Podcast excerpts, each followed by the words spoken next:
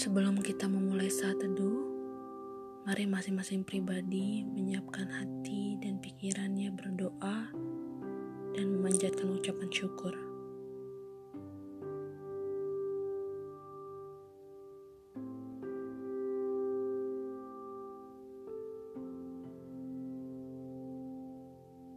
Mari kita bersatu dalam doa.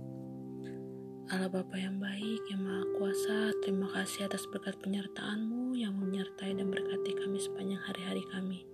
Saat ini kami ingin saat teduh Bapa, biar anugerah Tuhan menyertai hati dan pikiran kami agar kami siap untuk membaca dan merenungkan firman-Mu.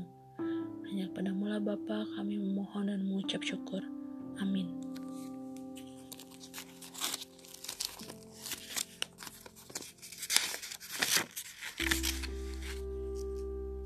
Renungan hari ini dari kitab Wahyu pasal 21 ayat 1 sampai 4. Langit yang baru dan bumi yang baru.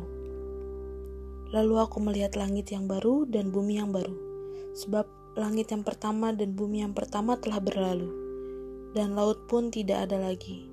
Dan aku melihat kota yang kudus, Yerusalem yang baru, turun dari sorga, dari Allah, yang berhias bagaikan pengantin perempuan yang berdandan untuk suaminya.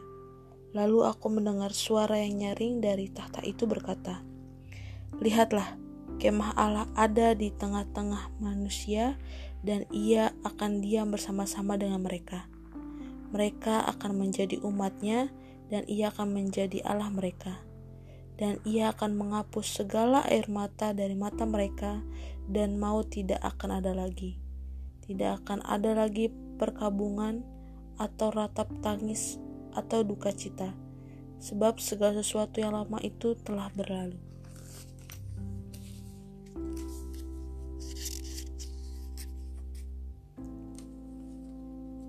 Ayat harian pada hari Kamis 4 Maret 2021 dari Injil Mazmur pasal 56 ayat 9. Sengsaraku, engkaulah yang menghitung-hitung air mataku, kutaruh ke dalam kirbatmu.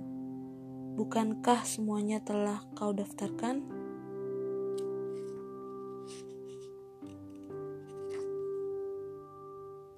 Penulis renungan kesaksian oleh Eleanor Cowles dari Oregon, Amerika Serikat.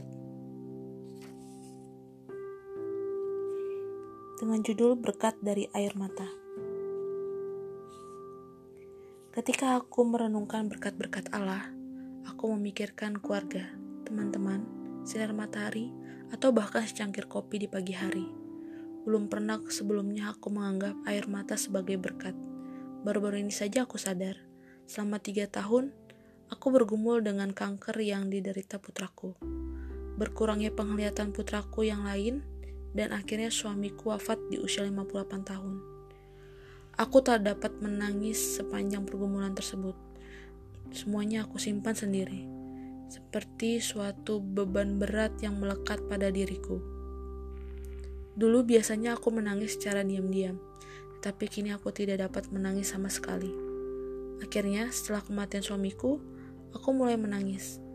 Hal itu terjadi secara tak terduga pada saat-saat yang tidak terbiasa.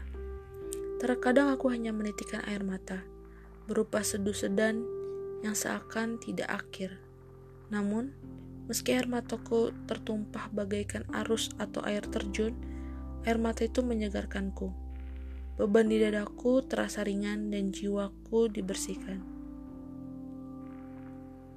Sepanjang menapaki kehidupan, kita sering melewatkan berkat-berkat tersembunyi dalam malapetaka. Air mata memang dapat mengaburkan pandangan kita, tetapi air mata pun dapat menjernihkan penglihatan kita untuk menyingkapkan kebenaran yang baru. Mungkin kita dapat melihat jalan untuk menjangkau seseorang yang menderita. Aku percaya bahwa ketika kita telah melintasi derita dan duka, kita mungkin menjadi satu-satunya yang mampu melihat dengan jelas orang lain yang melintasi jalan yang sama, dan di situlah air mata kita dapat bertemu. Sungguh, air mata dapat menjadi berkat Allah dalam hidup ini.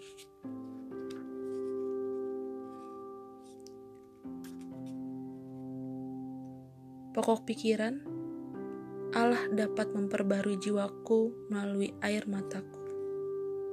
Mari kita berdoa.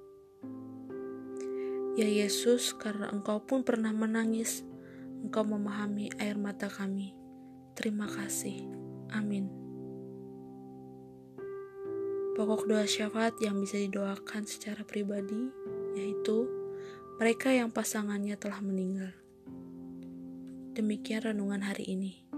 Tuhan Yesus memberkati.